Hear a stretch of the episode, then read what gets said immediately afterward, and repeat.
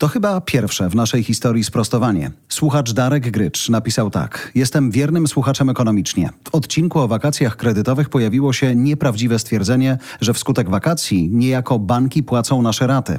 Prawda jest taka, że cytując stronę Biura Informacji Kredytowej, okres spłaty Twojego kredytu zostanie wydłużony o raty, których nie spłaciłeś w ramach wakacji. To oznacza, że te 8 rat przesunęło się na koniec okresu kredytowania, czyli to kredytobiorca poniesie ich koszt, a nie bank. Zwróciło to moją uwagę, pisze Darek, bo sam korzystam z wakacji, żeby nadpłacić mój hipoteczny kredyt. Dziękuję za dobre podcasty. Dzięki Darku za uważność i przepraszam za nasz błąd. Ze studia Voice House Rafał Hirsch i Jarosław Kuźniar. W nowym odcinku podcastu Ekonomicznie. Jeśli my zejdziemy z inflacją z 18% do 8 czy 9 i odtrąbimy sukces, położymy się do góry brzuchem i stwierdzimy, zrobiliśmy fajne zadanie, głosujcie na nas, to jest bardzo duże ryzyko, że ona się zatrzyma na tych 8, nie będzie dalej spadać. Zapraszam do audycji, do oceny i do dyskusji.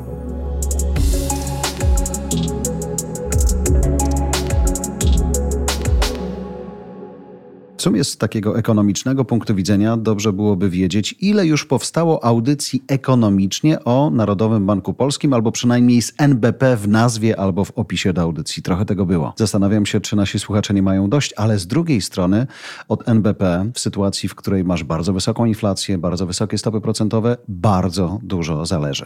Jesteśmy w roku wyborczym. Czy wiedząc, jak wygląda konstrukcja dyrekcji Narodowego Banku Polskiego aktualnie, obniżanie stóp procentowych może być korzyścią wyborczą, czy nie? Znaczy, wydaje mi się, że jest trochę osób po tej stronie sceny politycznej, którym wydaje się, że tak. Chociaż powiem Ci szczerze, że ja nie jestem do końca przekonany, czy rzeczywiście z tego można odnieść jakąś korzyść polityczną.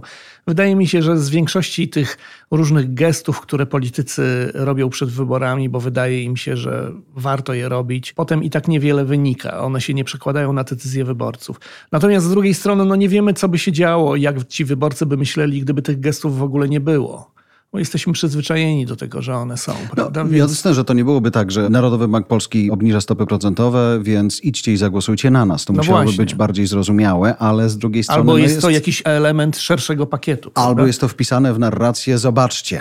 Aha. Widziałem ostatnio nawet jakiś taki kolejny duży billboard reklamowy rządu, co to coś zrobili i to ułatwiło życie iluś tam ludziom. Wpisanie tego właśnie w tego typu narrację na zasadzie zobaczcie, zdławiliśmy inflację, obniżyliśmy stopy procentowe i oto macie wygodniej albo więcej w portfelu idźcie i wydawajcie, zarządziliśmy kryzysem, no bo pewnie mhm. tak mogłoby to brzmieć, no to to już jest coś, co mówi, o, patrzcie, ale ogarnęli, to idę i daję im swój głos. Powinniśmy wymagać konsekwencji, znaczy jeśli przy spadku inflacji rząd mówi, że to dzięki niemu inflacja spada, a przy wzroście inflacji tłumaczył, że to przez cały szereg różnych innych przyczyn i nie przez niego, to to jest niesymetryczne. Znaczy, jeśli dzięki niemu spada, to wcześniej dzięki niemu rosła. A jeśli wcześniej rosła nie przez niego, tylko przez różne inne przyczyny, to teraz prawdopodobnie też spada przez różne inne przyczyny, a nie przez ten rząd. Ja akurat przychylam się bardziej do tej drugiej opcji. Wydaje mi się, że rząd mógłby robić więcej w walce z inflacją na pewno i na pewno popełnił jakieś tam błędy po drodze ale nie wydaje mi się też, żeby to było tak, jak z kolei opozycja stara się sugerować, że całą tą inflację, że PiS równa się mhm. drożyzna. No, no, Widziałem no, no, dzisiaj tak. też na banerze, tak. tak. Że całą tą inflację mamy przez partię rządzącą, bo ta inflacja dość łatwo to zauważyć jest na całym świecie, a partia rządząca Jarosława Kaczyńskiego jest, jest, tylko w Polsce, a nie na całym świecie.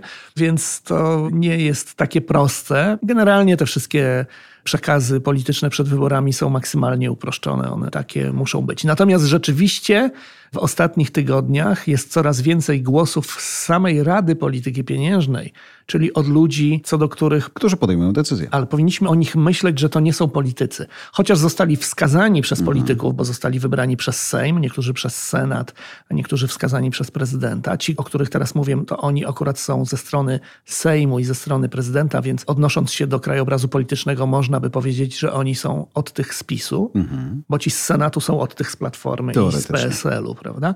Więc tamta grupa jakby jest coraz bardziej głośna we wspominaniu o tym, takim miękkim na mhm. razie, ale takim sugerowaniu coraz wyraźniejszym, że być może dałoby się obniżyć stopy procentowe przed wyborami. Ale używają tego słowa, tak? Że przed wyborami. Nie, nie, używają Aha, tego słowa. Że na używają jesieni 2023, że na jesieni, pod koniec się... lata, w trzecim kwartale, po wakacjach. To są takie określenia. W ogóle niesamowite jest to, że te wypowiedzi są bardzo podobne do siebie, tak jakby ktoś je uzgodnił po prostu wcześniej. Więc one wszystkie wskazują na to, że po pierwsze, żeby w ogóle to było możliwe, to inflacja musi spaść poniżej 10%. To jeszcze trochę. I oni wszyscy twierdzą, że to jest możliwe do zrobienia właśnie jakoś tak po wakacjach, czyli we wrześniu. We wrześniu. A dane o inflacji za wrzesień Będą w październiku. GUS poda na samym początku października. To jest przełom września i października. Wstępne dane to jest tam 30 września. I najbliższe posiedzenie Rady Polityki Pieniężnej po tym 30 września to jest 4 października, kilka dni później.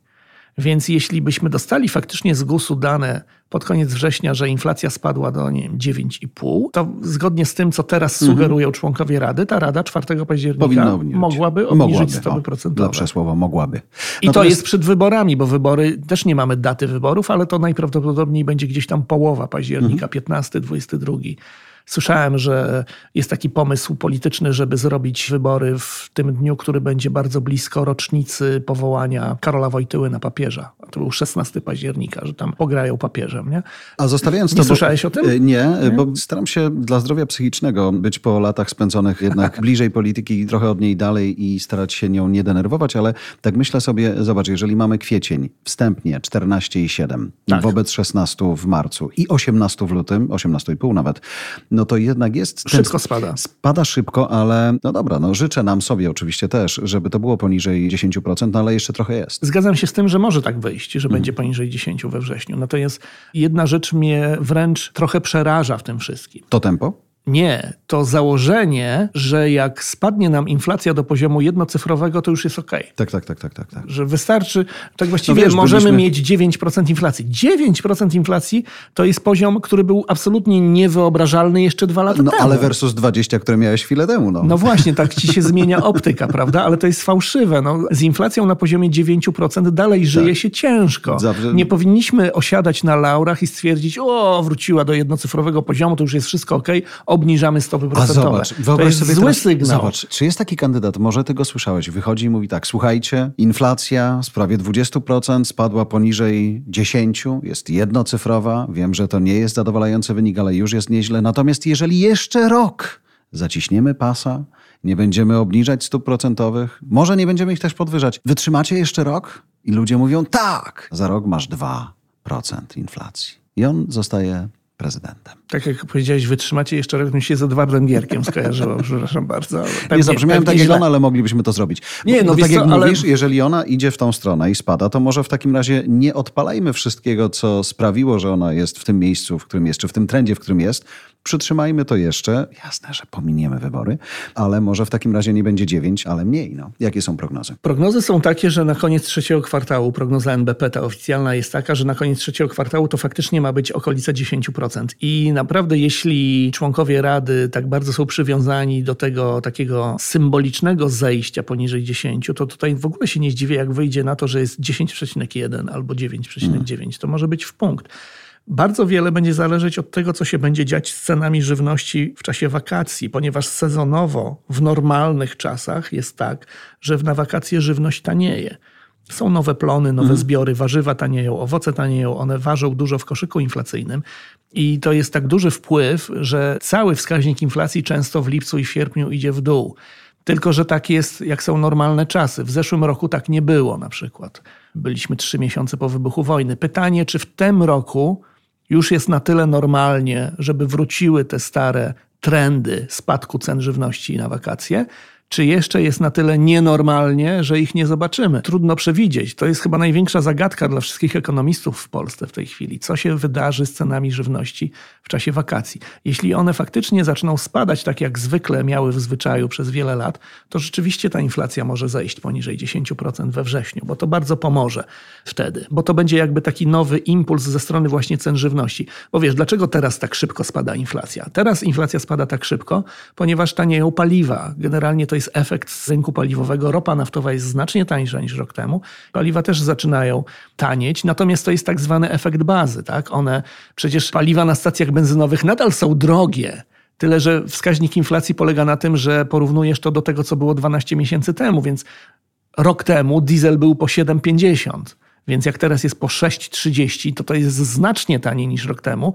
I nie ma znaczenia to, że ktoś powie, o, przed wojną był po 5 a teraz 6,30. No prawda, tylko że przed wojną to było dawniej niż 12 miesięcy temu, więc to już się w ogóle nie liczy w kontekście inflacji. Inflacja obejmuje 12 miesięcy tylko ostatnich. Więc stąd się bierze spadek inflacji, przede wszystkim w tej chwili właśnie z tej dużej różnicy w przypadku cen energii, cen paliw właśnie jak za chwilę trzeba będzie znowu kupować węgiel na zimę, się okaże, że węgiel jest tańszy niż rok temu, bo rok temu był rekordowo drogi w zeszłym roku. I tutaj też będzie taki pozytywny efekt. Natomiast tym czynnikiem, który hamuje spadek inflacji, są przede wszystkim ceny żywności w tej chwili. Żywność jest o ponad 20% droższa niż rok temu.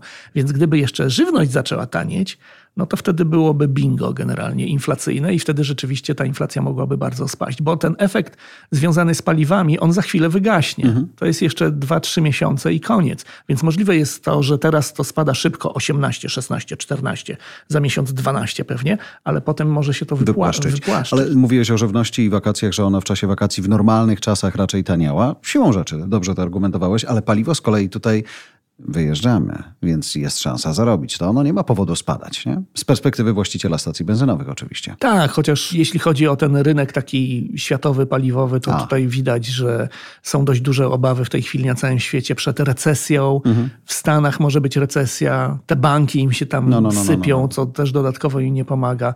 Jak będzie recesja w Stanach Zjednoczonych, to Rynek przynajmniej tak zakłada, że będzie mniejszy popyt na paliwa, dlatego one cały czas tanieją. I nawet jak się OPEC zgada z Rosją, że ograniczają, przecież w marcu chyba była taka decyzja, prawda, że oni ograniczają wydobycie. Posypały się prognozy, że za chwilę ropa wróci do 100 dolarów za baryłkę. Nie wróciła. Podskoczyła do góry na 3-4 dni i znowu zaczęła spadać, więc ten trend spadkowy jest bardzo wyraźny w tej chwili. On się bierze też troszeczkę z tego, że Rosjanie omijają sankcje z jednej strony możemy narzekać na to, że omijają, ale z drugiej strony trzeba mieć otwarte oczy i to widzieć. To między innymi dzięki temu te paliwa tanieją, bo ta rosyjska ropa cały czas jest na rynku globalnym. Nie ma jej w Unii jest, Europejskiej, jest, jest, ale jest gdzie indziej. Mhm. W związku z tym ten globalny bilans ropy i cen jest taki, że cena może iść w dół, więc to przełożenie na inflację ze strony cen paliw jest cały czas bardzo wyraźne. Mówimy o tym w kontekście spadających, ale jeszcze niedawno bardzo wysokich stóp procentowych i inflacji też bardzo wysokiej. Natomiast chciałem pogadać o czynnikach inflacyjnych, bo do tej pory no. mówiliśmy o wojnie, o właśnie sankcjach, innych takich rzeczach. To wciąż jest, jakby to nie zniknęło, a jednak ta inflacja idzie dzisiaj w dół. Skąd to się bierze? Właśnie z tego, o czym mówiłem przed chwilą, że to jest 12 miesięcy. Wojna wybuchła ponad 12 miesięcy temu, czyli jeśli pierwszy miesiąc z efektami inflacyjnymi związanymi z wojną to był marzec mm. 2022, okay. wtedy wystrzeliło wszystko w górę, no to tą wojnę we wskaźniku inflacji widziałeś do marca 2023 od marca 2023 przestajesz widzieć wpływ wojny we wskaźnikach inflacyjnych i właśnie od marca 2023 te wskaźniki zaczynają wyraźnie spadać, bo jeszcze w lutym było 18, a w kwietniu już jest 14, tak? Tam z haczykami, prawie 15.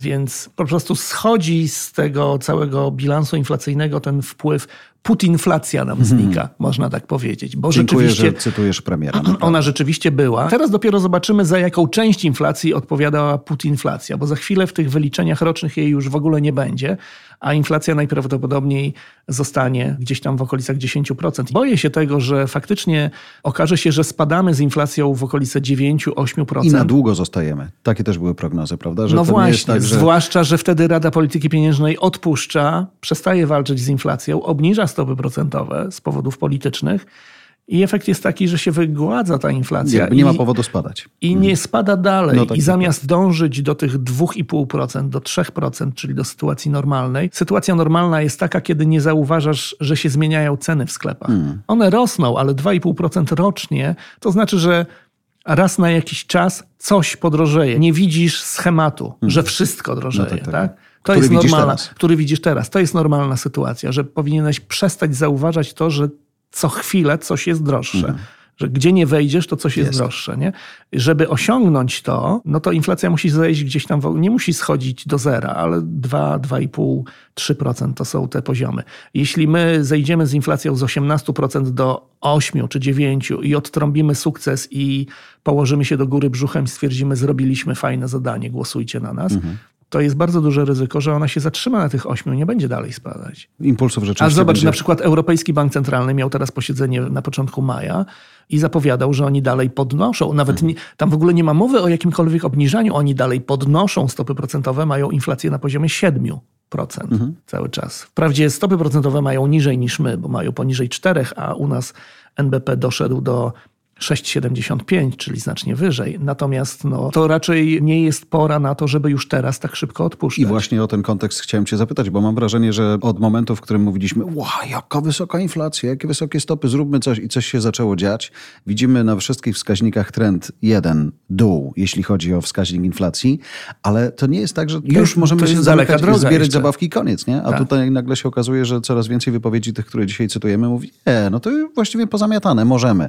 Ale. Cytując teraz EBC, tak jak mówisz, panowie, zło się jeszcze nie skończyło. Jakby nie ma sensu odtrabiać sukcesu już teraz i przerywać procesu, który doprowadził nas do tego właśnie momentu, czyli pozytywnego w rozumieniu spadająca inflacja. nie? Ciekawe w tych wypowiedziach jest to, że jest jedna wypowiedź z NBP, która idzie w troszeczkę inną stronę i to jest wypowiedź Adama Glapińskiego, prezesa NBP. On też się wypowiadał i on jako jedyny z tego chóru członków RPP, którzy są tam ze względu na głosy PiSu wcześniej w Sejmie, on jako jedyny nie mówił o tym, że można by obniżyć stopy pod koniec trzeciego kwartału.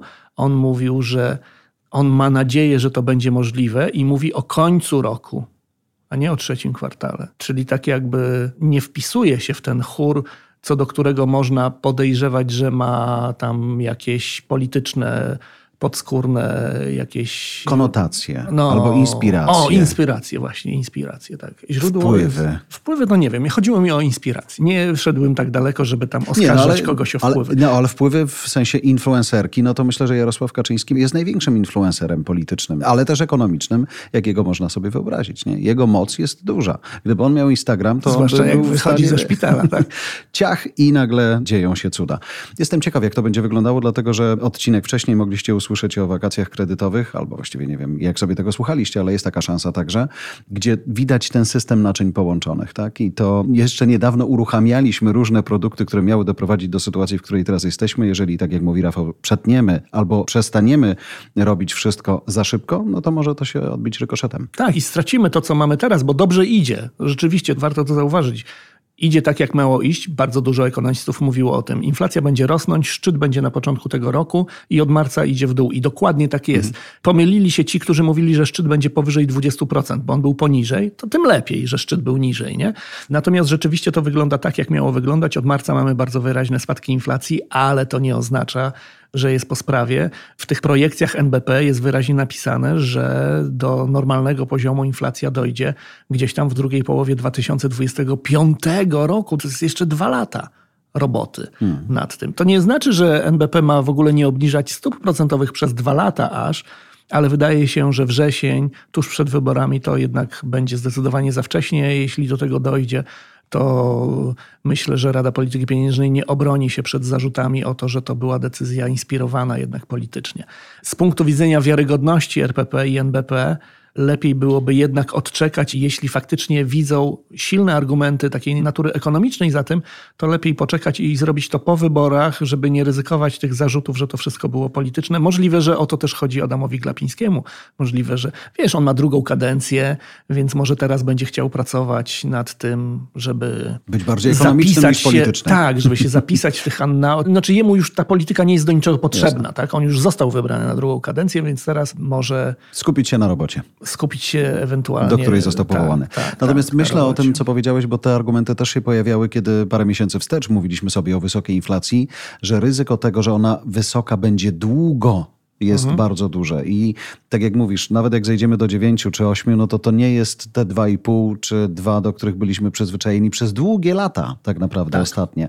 Bo to wciąż będzie 10% czy 8% mniej w portfelu, krótko mówiąc. No. Tak. Chociaż tutaj też przed nami bardzo ciekawe takie doświadczenie ekonomiczne i zobaczymy, jakie będą efekty. Bo wiesz, jaki jest główny minus tego, że mamy długo wysoką inflację? Tym głównym minusem jest to, że zaczynamy się przyzwyczajać do tego, czyli rosną nam tak zwane oczekiwania inflacyjne inflacyjne, a jak one rosną, czyli wszyscy się spodziewają tego, że wszystko drożeje, to wtedy tym bardziej wszystko może drożeć. To się jakby samo zaczyna napędzać i wtedy naprawdę bardzo trudno przerwać to błędne koło i obniżyć inflację. Wtedy do tego wygląda na to, że niezbędna jest już poważna recesja i wzrost bezrobocia, czyli faktycznie trzeba wtedy ludziom po prostu zabrać pieniądze i oni wtedy cierpią i tylko w ten sposób można zbić tą inflację, jeśli już się pojawiła ta spirala taka, tak, mhm. napędzana oczekiwaniami inflacyjnymi.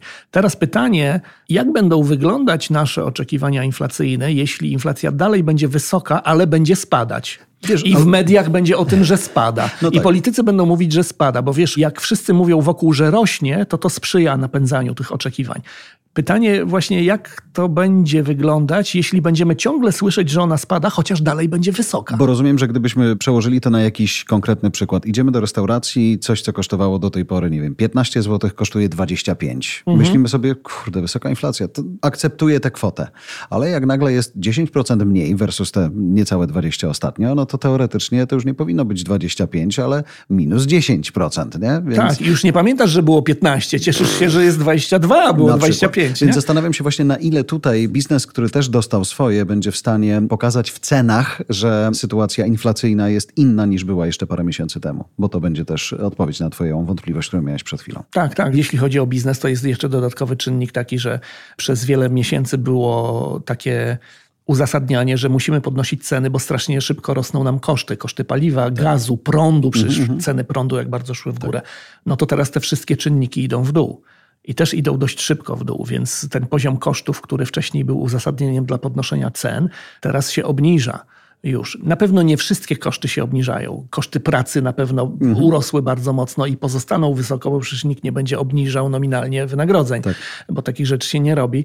Bardzo trudno jest je zrobić. Natomiast te inne koszty związane z energią właśnie, no to to wygląda już zdecydowanie lepiej niż jeszcze rok temu, więc być może ja nie mówię, że wszyscy, ale być może niektórzy przedsiębiorcy za chwilę zauważą, że jest jakaś tam przestrzeń do tego, żeby obniżyć ceny. obniżyć ceny, jeśli trzeba będzie je obniżać, żeby zachować klientów na mhm, rynku. Na tak? przykład. Nie? Szczególnie, że tutaj ten czynnik, o którym też wspomniałeś, czyli drastycznie albo mniej drastycznie, ale rosnące bezrobocie, on na razie nie występuje. Prawda? Nie. To nie jest skala, która by sugerowała, że wow, mhm. jakby coś, co było zwykle w naczyniach połączonych, inflacja, stopy, bezrobocie, w ogóle nie występuje. Jakby tak. sytuacja na rynku pracy jest taka. Jasne, że słyszymy o wielu argument... zwolnieniach w wielu firmach mhm. technologicznych, ale to też są zwolnienia wynikające bardzo często z tego, że w momencie pandemicznym te firmy bardzo dużo zatrudniały. Nie? Tak. Ale generalnie na rynku pracy nie ma dramatu. Tak, jeśli chodzi o spółki technologiczne, to po prostu one i tak zatrudniają zdecydowanie więcej ludzi niż trzy lata temu, tylko faktycznie zrobił im się taki bąbelek tak, tak, tak zatrudnieniowy tak, tak, w czasie pandemii. Teraz przekuwają ten bąbelek. Natomiast, no, tak, zwłaszcza w Stanach Zjednoczonych, nie wiem jak w Polsce. Hmm. Natomiast jeśli chodzi o to, że nie rośnie nam bezrobocie, to jest jeden z głównych argumentów ze strony PiSu. Po co mamy walczyć w sposób drastyczny z inflacją? Skoro tak właściwie nie ma żadnego kryzysu związanego z tą inflacją, bo nie rośnie bezrobocie. Ale z drugiej strony, zobacz, bo to też jest, jeżeli na rynku pracy jest tak, jak jest i wciąż ten pracownik może więcej niż pracodawca, choć tu się przepisy zmieniają i to też nie chcę tego równać, ale na potrzeby tej audycji powiedzmy, że padło to zdanie, to jeżeli ja jestem pracownikiem, który właśnie musi oddać inflacji 20%, czy nawet 10%, mhm. to ja przyjdę do mojego pracodawcy po te 10% więcej. Mhm. I to on będzie ostatecznie musiał za to zapłacić. Więc jak taki jeden czy drugi PiS mówi, nie musimy obniżać, bo bezrobocie nie rośnie, no ale ktoś ponosi ten koszt. W tym przypadku to są najczęściej właśnie pracodawcy. Pytanie, czy ten pracownik faktycznie przyjdzie po te 10%. Myślisz, że będzie się bał, że jak przyjdzie, to odejdzie z niczym? Wydaje mi się, że Poza jest kartonem. takie nastawienie, że polscy pracownicy często są tak wychowani, że tak powiem, na rynku pracy, że boją się tego robić. To wynika może z tego, że jak mieliśmy taki ostatni wyż demograficzny, który wchodził na rynek pracy, czyli to był początek XXI wieku, to wtedy mieliśmy na rynku bezrobocie w okolicach 20% i cała ta grupa wielomilionowa grupa ludzi, którzy teraz mają, no nie wiem, w okolicach 40 lat, oni wchodzili na rynek pracy w czasie bardzo trudnym i ich pierwsze doświadczenia z tego rynku raczej są negatywne A to jest, wiele badań o tych mówi, że przez całą swoją karierę zawodową zachowujesz się tak, jak musiałeś się zachowywać na samym początku na rynku pracy. Więc jeśli wchodzisz na ten rynek pracy w sytuacji, w której pracodawca może cię wywalić w każdej chwili i mówi, że na twoje miejsce jest 15 następnych i to jest prawda, akurat w tym momencie rzeczywiście tak jest, to potem przez całe swoje życie zawodowe boisz się iść i prosić o podwyżkę, nawet jeśli sytuacja się zmieniła i już nie ma 15 chętnych na twoje miejsce, że nawet jeśli jest, czujesz ten opór, nie każdy to potrafi jednak, nie, nie każdy ma w sobie tą taką przebojowość, żeby pójść do przełożonego i powiedzieć tutaj proszę 20% teraz więcej, a jak nie, to sobie znajdź kogoś na moje miejsce i wiesz, że nie znajdzie, że teraz to ty jemu możesz dyktować. Bardzo mało jest takich pracowników, więc to jest szansa i nadzieja pracodawców z kolei. No. Panie Rafale, dziękuję za dziś Dziękuję bardzo. i do usłyszenia. Dziękujemy za Twoją uwagę. Kierownictwo produkcji Dorota Żurkowska, redakcja Agnieszka Szypielewicz, dystrybucja Olga Michałowska, dźwięk Kamil Sołdacki, redaktor naczelny Voice House Jarosław Kuźniar.